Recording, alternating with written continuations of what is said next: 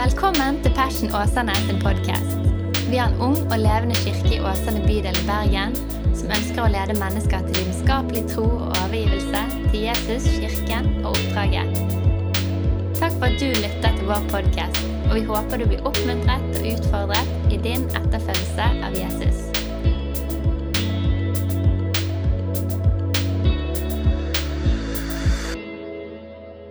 Du, Vi begynte på en serie forrige søndag som het 'Moderne myter'. Er det noen som husker hva vi snakket om da?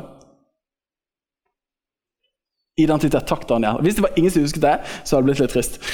Men Vi begynte på en serie som heter 'Moderne myter'. og Den strekker seg over fire ulike gudstjenester. Og Hele hovedintensjonen der er det som Paulus sa til menigheten i Colosseum. Han sa 'pass på at ikke noen fanger dere'. Det er jo litt sånn drastisk språk, det der. Men pass på at ingen fanger dere. Og Da tenker jeg ikke at noen løper etter dem med tau og en lasso, men pass på at ikke noen fanger dere ved filosofi eller tomt bedrag, etter menneskers tradisjoner, etter grunnkreftene i verden, og ikke etter Kristus. Og jeg tror ikke Man skal være levd veldig lenge i den tiden vi lever i, før man forstår at dette er ikke en utfordring som bare gjaldt de da, men kanskje en utfordring som gjelder oss enda mer i den tiden vi lever i i dag. Og etter hvert som vi fikk sånne smarte telefoner, som gjør oss av og til litt mindre smarte, så er det veldig mange inntrykk som møter netthinnen vår og tankene våre. Da. Og Den utfordringen her er det som er grunnlaget for denne serien som vi har valgt å kalle moderne myter. Og Da har vi tenkt å løfte opp ulike ting som blir presentert som liksom objektiv sannhet i den tiden vi lever i. Sånn er det bare. Har du hørt det før? Sånn er det bare. Og så stopper vi litt og så sier vi, Nå er det nå egentlig sånn. Det er det vi har lyst til å stille spørsmål om. Vi snakket om identitet forrige uke, og i dag skal vi bevege oss videre. Og Hvorfor vil vi snakke om dette? Jo, fordi Jesus sier dere skal kjenne sannheten, og sannheten skal sette dere fri. Og Jesus sier videre at vi skal slippe å lete etter hvor sannheten er. For han sier at 'jeg er veien', 'jeg er livet', men jeg er òg sannheten.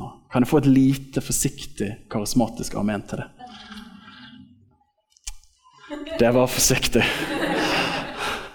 Altså For de som ikke er vant til frikirkelighet, så, så tror vi at det er lov til å vise litt følelser på gudstjenester. Men selv om jeg har vokst opp i frikirkeligheten, så sliter vi med det fortsatt. Så dette, vi jobber med det. Sånn er det bare. Men Paulus han sier det sånn som dette her videre. Han sier 'bli ikke dannet lik denne verden her'. Handler det om at vi ikke skal gå med de klærne verden går med, eller at vi ikke skal snakke på den måten de snakker på? Vi skal snakke liksom en kristelig sjargong. Det er jo ikke det det handler om. Og Vi stilte oss spørsmålet hvordan koke en frosk. Og Det er jo sikkert noe du tenker på ganske ofte. Men hvis du da har kokende vann, og så slipper du frosken oppi, så hopper han ut igjen med en gang. Men trikset for å koke en frosk, sier de, det er å ta frosken oppi kaldt vann. Og så tar du denne termostaten sin. Så snur du sånn gradvis oppover. Og så merker ikke han at først blir det litt sydenvarme, og så blir det saunavarme, og så død. Sant? Hvordan koke en frosk? Gjør det gradvis. Og det er det Paulus sier. Han sier 'pass på, folkens'. At dere ikke blir fanget. Bli ikke dannet lik denne verden, men bli forvandlet ved at sinnet deres fornyes, sånn at dere kan kjenne hva som er den gode, velbehagelige og fullkomne Guds vilje. Og eh, Måten og Målet med det hele er at vi skal få lov til å få et kristent sinn. At vi skal lære å tenke og leve sånn som Bibelen lærer. Det er målet. Og så er vi som enhver god misjonær, så applauderer vi det som er bra i kulturen og tiden vi lever i. Vi ønsker å konfrontere det som er dårlig. Og så ønsker vi å transformere ved å bringe inn en bedre fortelling, som er fortellingen som Bibelen løfter opp. Og Det vi skal snakke om i dag, er frihet. Og jeg har gledet meg til å snakke om dette. her. Dette er jo et buzzword. Dette er jo et ord som preger tiden vi lever i. Jeg må bare være fri. Sant? Dette er jo noe vi kjenner til, og da blir det veldig gøy å snakke om det. Og jeg tror vi skal få lov til å få noe ut av det. Og Bibelteksten vi springer ut ifra i dag, er en velkjent tekst som mange har sikkert på sitt kjøleskap eller hørt på en leir, eller når livet er tungt og trist. Så finner de veien til Matteus det 11. kapittel og det 28. verset. Og Der står Jesus, nesten på sørlandsk, Kom til meg, kom til meg, alle dere som strever og bærer tunge byrder. Og jeg vil gi dere hvile. Ja, ta mitt åk på dere og lær av meg. Vi pleier som regel å stoppe etter han sier hvile der, men Jesus tar litt til, så vi tar med det òg. Ta mitt åk på dere og lær av meg, for jeg er mild og ydmyk av hjerte. Og dere skal finne hvile for sjelene deres. For mitt åk er ganglig, og min byrde er lett. Jeg ber en kort bønn. Jesus, hellig oss i sannhet. Ditt ord er sannhet. Amen. Sånn som dere så her for eh, et par øyeblikk siden, så har vi klart å prestere å få to barn, jeg og min kone. Eh, det er jo eh, Det krever kanskje ikke altfor mye, men det krever mer når du får de ut. Og det å ha barn Jeg begynner å se en fakt, altså liksom et, en væremåte, som jeg så igjen, og jeg kommer på jeg hadde når jeg var liten. Jeg ser at når Anna ikke er veldig fornøyd med noe jeg og Helene sier hun skal gjøre, hvis vi sier at nå skal vi spise middag, så er det ikke automatikk i at vi sier at nå går vi inn på kjøkkenet og spiser middag. Jeg har faktisk erindring fra rett før jeg kom her i dag når vi spiste middag. Anna, nå spiser vi! La oss gå inn på kjøkkenet! Og så sier man det ut, men så skjer det ingenting. Det er ikke sånn som med fjernkontroll. Du trykker, og så skjer det. Så det er ikke sånn, da. Og så kommer ikke hun, og så må du navigere og forhandle, og av og til så må du ty til ja, de ekstra kiloene du har til å løfte henne opp og muskle, og så liksom ta henne inn. Men jeg husker da jeg var liten. Husker du at du gikk på tur, og så var du gjerne sur på mamma og pappa. Og så sa du 'jeg vil ikke være med på tur'.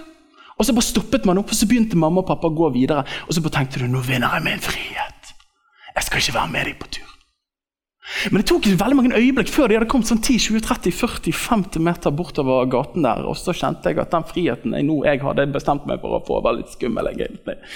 Og så kjenner man panikken begynner å slå inn, og så tar man hendene i krysset og så trosser man med og drar beina med seg. Sant? Dere husker sikkert det. Eller at du finner ut mamma og pappa, jeg skal stå på egne bein, jeg er syv og et halvt år gammel, jeg rømmer hjemmefra! Og så har man sett litt for mange Pippi-filmer, og så drar man hjemmefra, og så tenker man, snur man seg til mamma og pappa og sier goodbye, see you. Never. Sant? Og så drar man, og så går det ti minutter, og så tenker du at hvor er maten? Hvor er fjernsynet?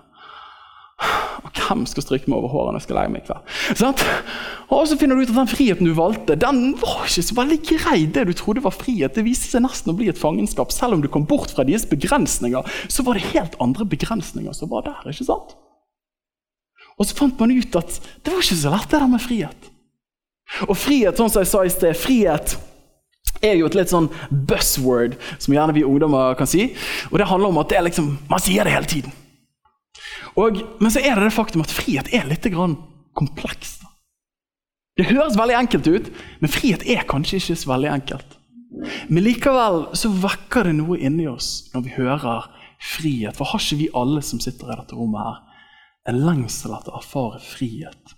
Måtte det være på innsiden, i noen relasjoner, i en jobbsituasjon. Vi lengter etter frihet. Det gjør vi.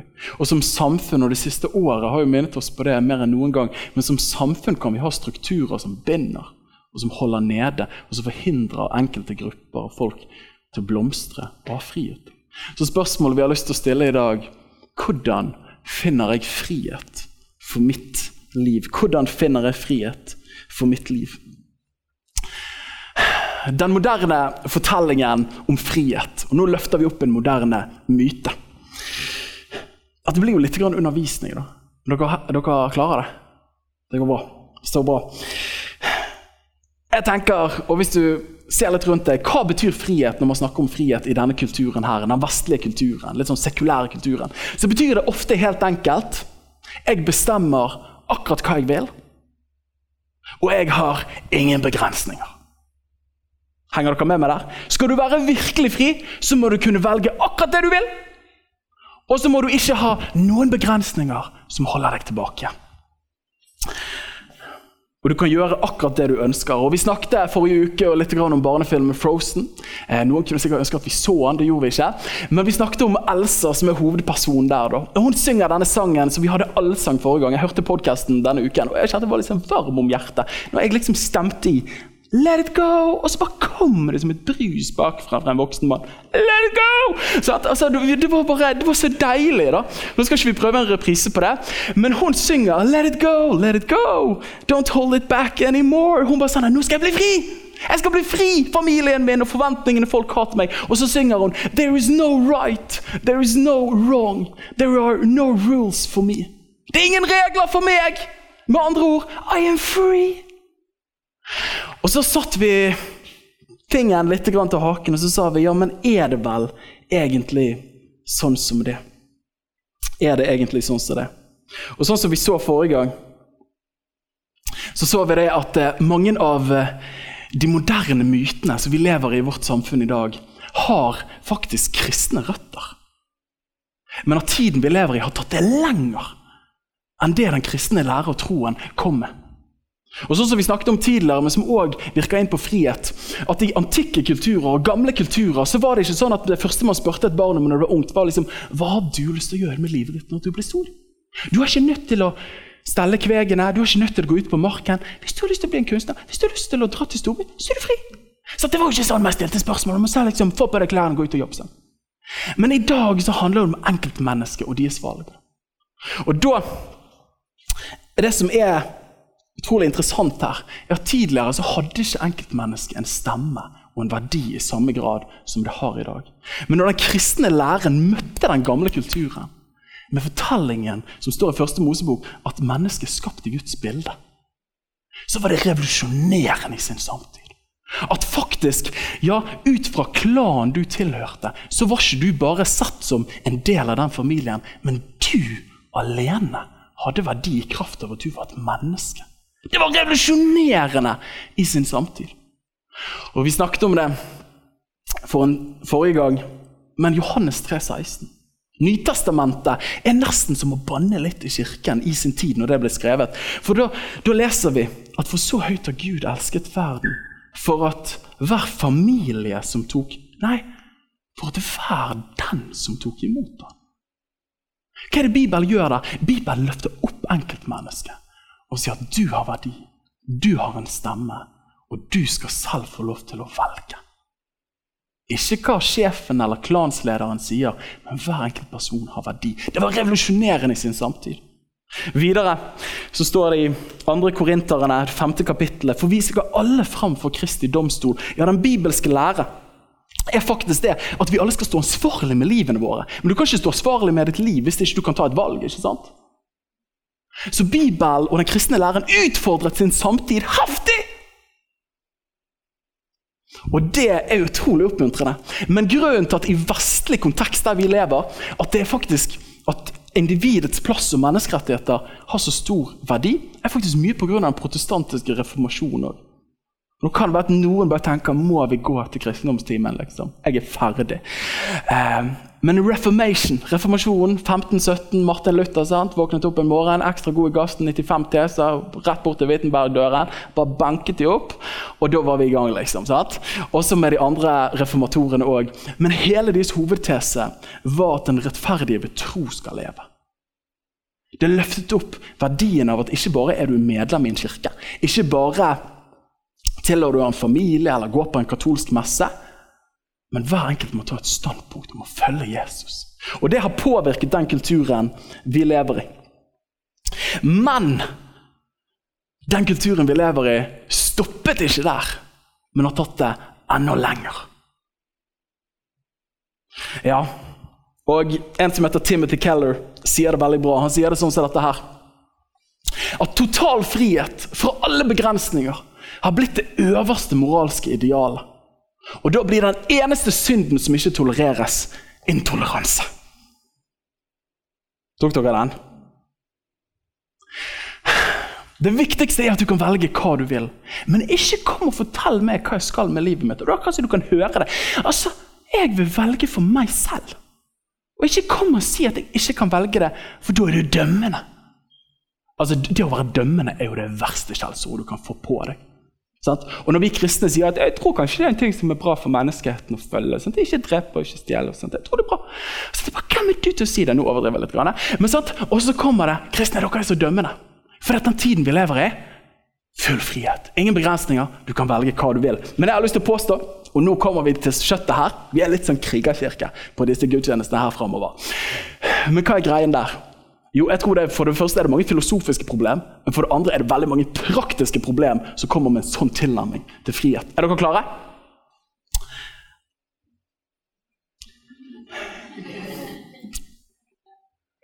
Jeg er klar. Du, Her kommer noen innvendinger. Den første. En sånn forståelse av frihet ødelegger fellesskapet. En sånn forståelse av frihet ødelegger fellesskapet. Ja, Hva betyr det for noe? Jo, når det mitt liv handler om, er å realisere meg sjøl og bli kvitt alle begrensninger, da er det meg, mitt og mine livet handler om. Og Da blir det ikke så veldig interessant å involvere meg i småtassfotballaget og trene de guttene der.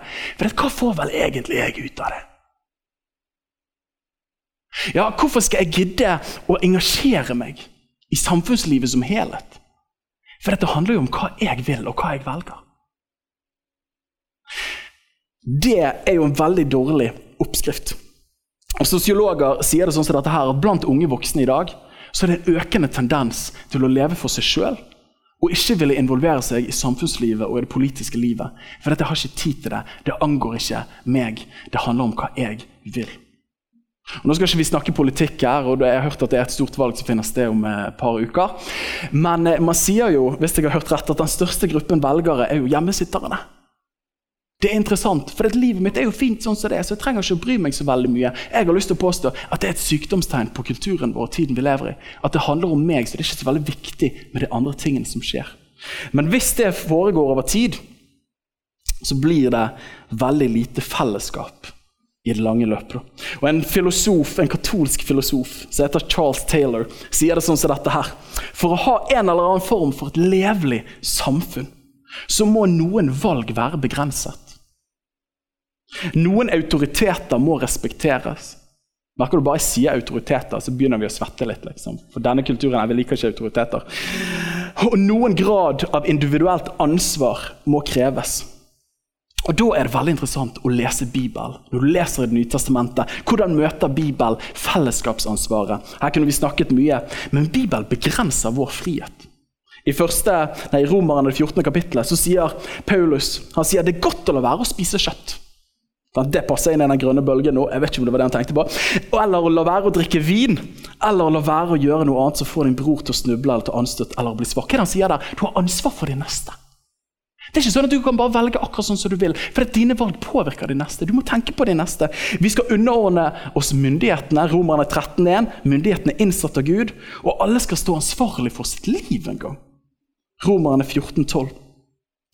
Så å bare tenke på frihet som ingen begrensninger, jeg kan gjøre hva jeg vil, lever vi på den måten som fort det vestlige, sekulære samfunnet løfter opp, det ødelegger fellesskap. Det ødelegger kjernefamilier, det ødelegger storfellesskapet. For vi lever ikke bare for oss sjøl, men vi lever sammen. Andre innvending.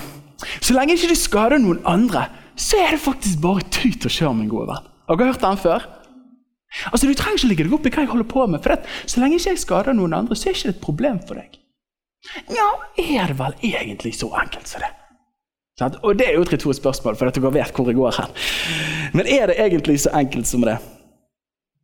Ja, han katolske filosofen sier det sånn som dette her. Han formulerer det sånn Ingen har rett til å blande seg bort i meg for mitt eget beste.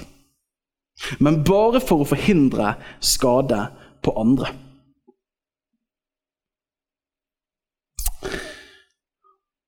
Og Det som er tanken bak det her, er jo det at eh, At egentlig så slipper et samfunn da å ha liksom noen ja- og nei-ting. For det er så lenge, Er ikke det litt sånn kardemommebyelov, det her? At du kan for øvrig gjøre hva du vil, så lenge du ikke plager noen andre? Og Da blir det på en måte en litt sånn selvautoriserende moral. Det var grådig vanskelig ord. Men e- egentlig at man liksom, det går liksom fint, for alle passer sine egne saker, og ingen er stygg mot noen andre. Så da er det liksom, det er kumbaya, liksom. Dette går bra. Men da har jo vi et kjempeproblem. Og det problemet der er jo at eh, vår forståelse av skade, hva som skader en annen, er jo vidt forskjellig. Du har jo, Nå snakker vi til oss egne kristne, men du har jo kristne forhåpentligvis, sånn som vi var med på her, som sier at vi skal opplære barna våre i en kristen forsakelse og tro. Sånn Vi tenker jo at dette er en kjempegod ting. At det vi får lære å kjenne om Jesus og lese Bibel og dra på søndagsskole og få klistremerkesamling på søndagsskole osv. Så, videre. så vi tenker at dette er kjempebra. Men så er det mennesker som tenker at det å gi deg en kristen oppdragelse og snakke om himmel og et annet ord som begynner på H, det er jo skade så det holder! Og da er vi i gang! For hva er vel skade for noe? Hvem definerer det? Da er vi i gang! For at enhver verdivurdering av hva som er godt og hva som er ondt, henter man fra et eller annet sted. Så det at det, så lenge du ikke skader noen andre, så er det tut og kjør. Sorry, my friend. Det er ikke så enkelt. Et eksempel som Timothy Keller bruker, som vi er inspirert av i denne serien her, Han sier at i møte med pornografi En person kan se på pornografi og tenke at dette angår bare meg. Det er bare jeg som ser på dette, ingen vet om det. Det påvirker ikke folk rundt meg. Men andre vil jo si at i aller høyeste grad påvirker det folk rundt deg. For måten du ser på, snakker og behandler andre mennesker, blir påvirket av det du ser på. Oi! Hva skal vi gjøre med det? Ok, Så jeg vil påstå at det frihetsidealet det funker ikke i møte med den tanken. Og I møte med Guds ord så er det kjempetydelig at det er ikke så enkelt at Jesus sa vet hva, hvis du har lyst til å gjøre det, så gjør du det så lenge ikke du skader noen andre. Jeg har kommet for å stifte fred. Jeg har kommet til å være din venn. Så Det var ikke det Jesus sa. Altså, Han kom jo der og sa folkens, dere har hørt at loven sier dette her. liksom, sant? Øye for øye, tann for tann. Men jeg sier hvis du ser på din bror og du tenker liksom tufs, så er du skyldig for dommen. sant? Og så er det Jesus, hva er det du snakker om? Jesus drar jo opp linja og sier dette er bra, dette er dårlig. Så utrolig dømmende. Jesus er det verdt i 2020. Sant? Jesus presenterer at noe er bra, og noe er dårlig. Ja, Guds moralske lov finner vi fra Gamletestamentet helt til å begynne med, før loven, til inn i Nytestamentet. Jesus bekrefter han de ti bud som vi pugget en gang i tiden. Sant?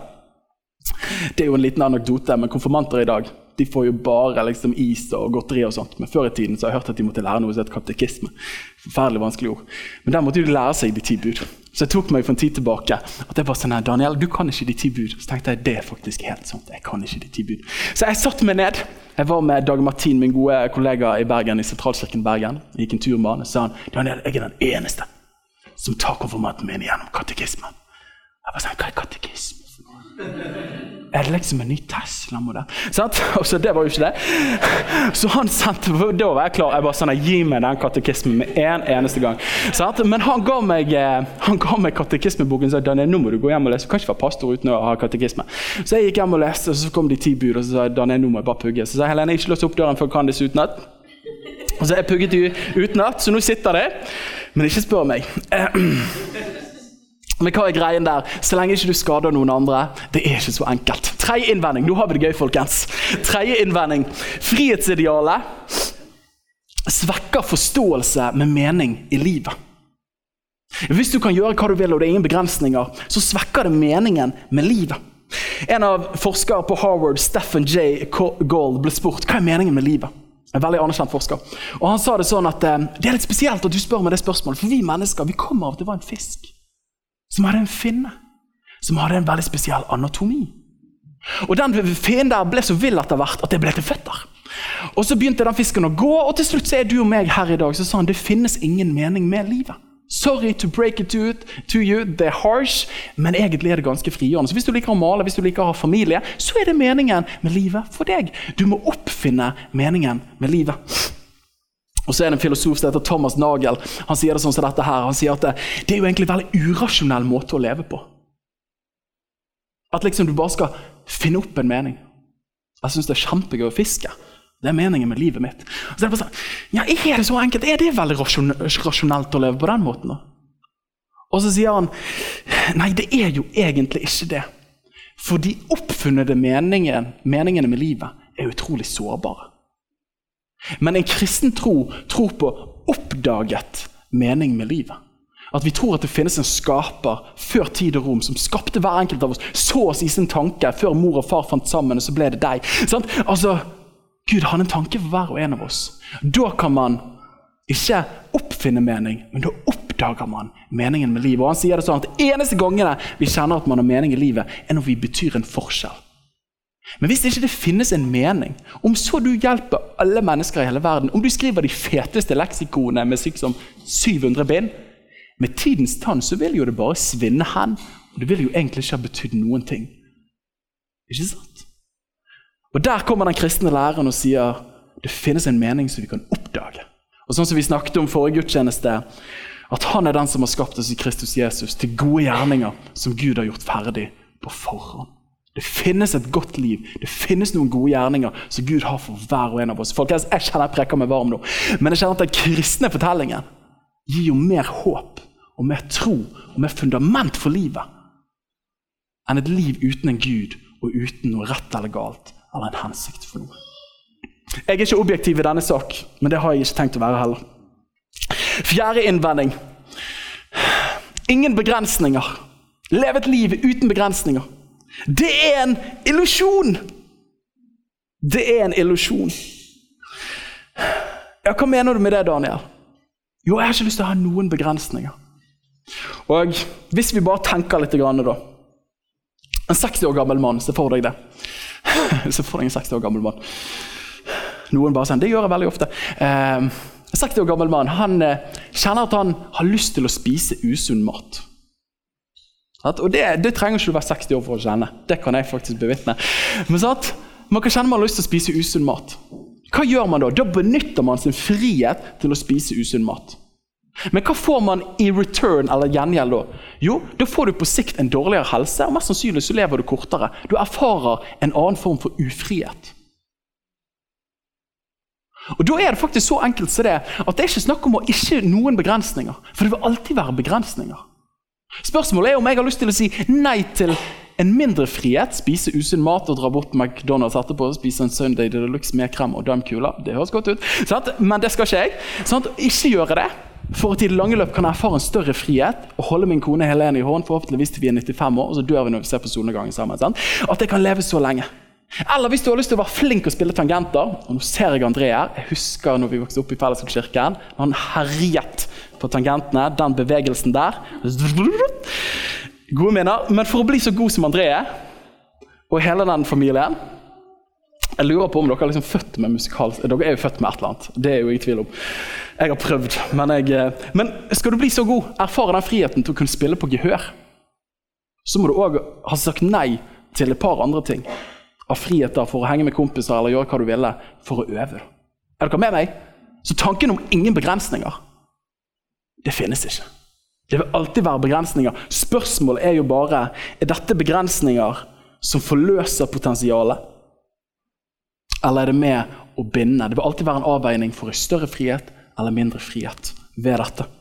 Og det tredje, siste innvendingen, kjærlighet og Vi må jo alltid ende på en positiv tone, men kjærlighet er det største innvendingen mot frihetstanken som samfunnet vårt har. Jeg kan gjøre hva jeg vil, jeg har ingen begrensninger. Hva mener du med det, Daniel? Jo, se for deg et ungt par møter hverandre. Hormonene er i kroppen. Stemningsmusikken er i bakgrunnen, på baksiden, i hodet. Og så inngår man en relasjon, og så sier man eh, Vet du hva, i denne relasjonen her skal du ikke fortelle meg hvem jeg skal være. Du skal ikke prøve å forme meg eller påvirke meg på noe vis, for jeg skal være den jeg er, sånn som vi snakket om forrige uke, identitet. Ja, og i møte med frihet, Du skal ikke begrense meg på noe som helst vis. Jeg skal gjøre akkurat det jeg vil, men jeg elsker deg, og vi skal være sammen. Se for deg at meg og Helene hadde sagt akkurat det til hverandre. Ikke prøv å forme meg, ikke prøv å slippe meg, jeg er meg, og ikke begrens mine valgmuligheter, for jeg vil være med kompisene akkurat når jeg vil. Oh my gosh, liksom. Det er noen som bare hører når jeg sier det, at det der bare lukter liksom ekteskapsproblemer. Du hadde ikke kommet til presten engang, for det der hadde ikke funket, for dere hadde ikke blitt enige om hvilken dag du skulle gifte deg på. Sant? Så stått det på to ulike dager. Hva er greien der? At fremste innvendingen mot dette her er kjærlighet. For kjærligheten begrenser deg på så utrolig mange områder. Etter du fikk barn, så begrenser deg på enda flere områder. Det trenger jeg kjærlighetssorg for, men det tar ikke vi nå. Men hva er tingen der? Jo, Paulus sier det sånn i 1. Korinterne 13. Han sier kjærligheten søker ikke sitt eget.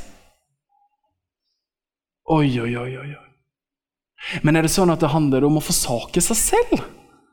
At livet blir tøft? Nei, du sier jo nei til noen friheter. Sånn at du kan erfare friheten med en ekteskapsrelasjon som er varm, at du har noen der. Noen som gråter med deg, gleder seg med deg, vandrer gjennom livet med deg. Du får en enda dypere og større frihet. Men du sier òg nei til noen friheter.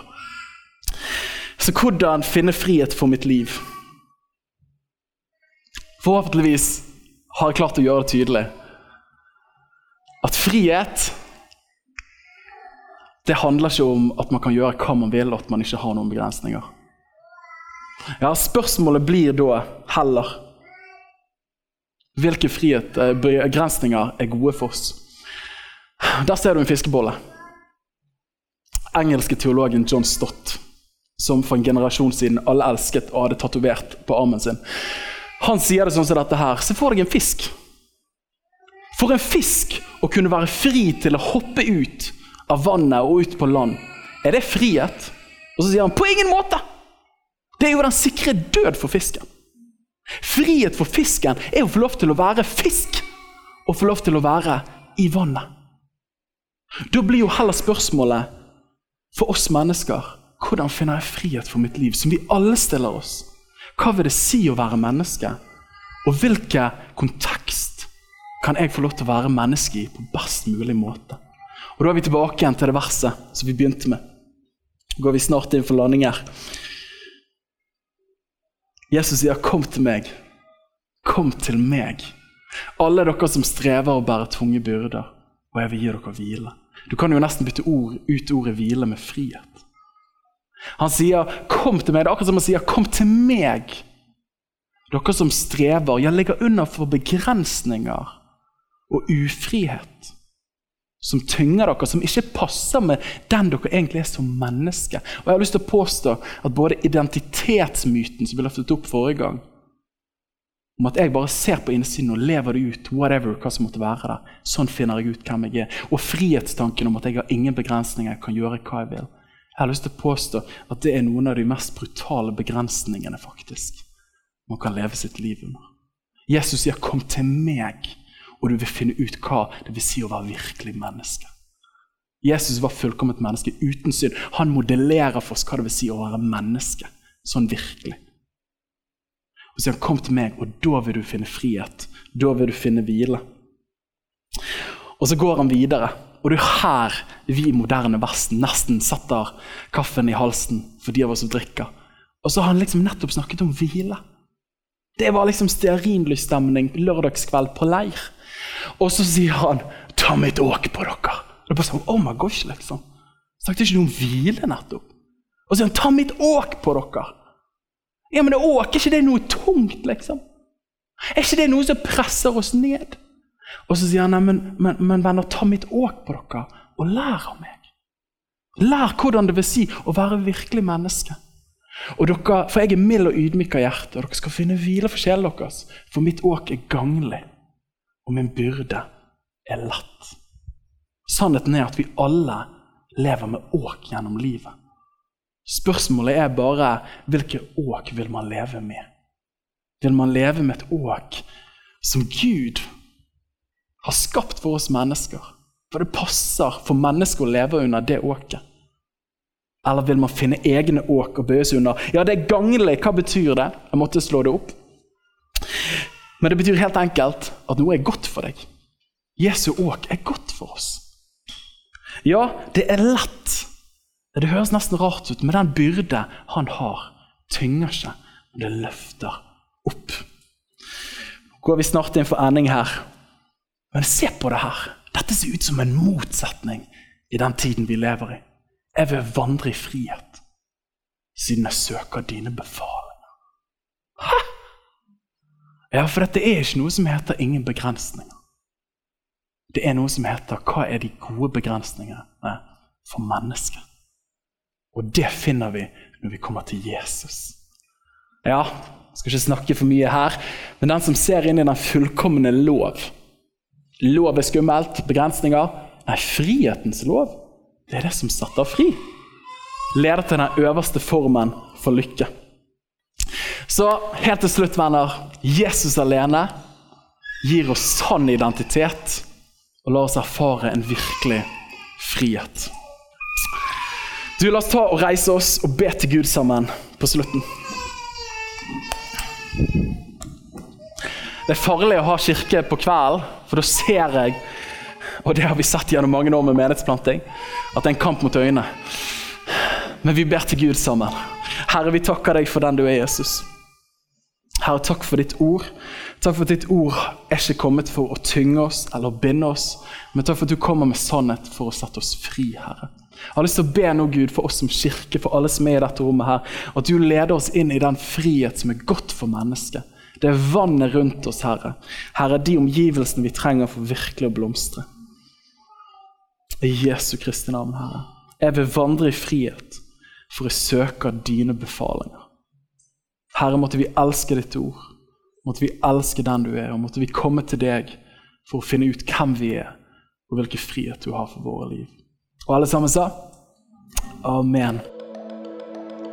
Takk for at du lyttet til vår podkast. Hvis du synes det var bra, så del den gjerne med noen flere.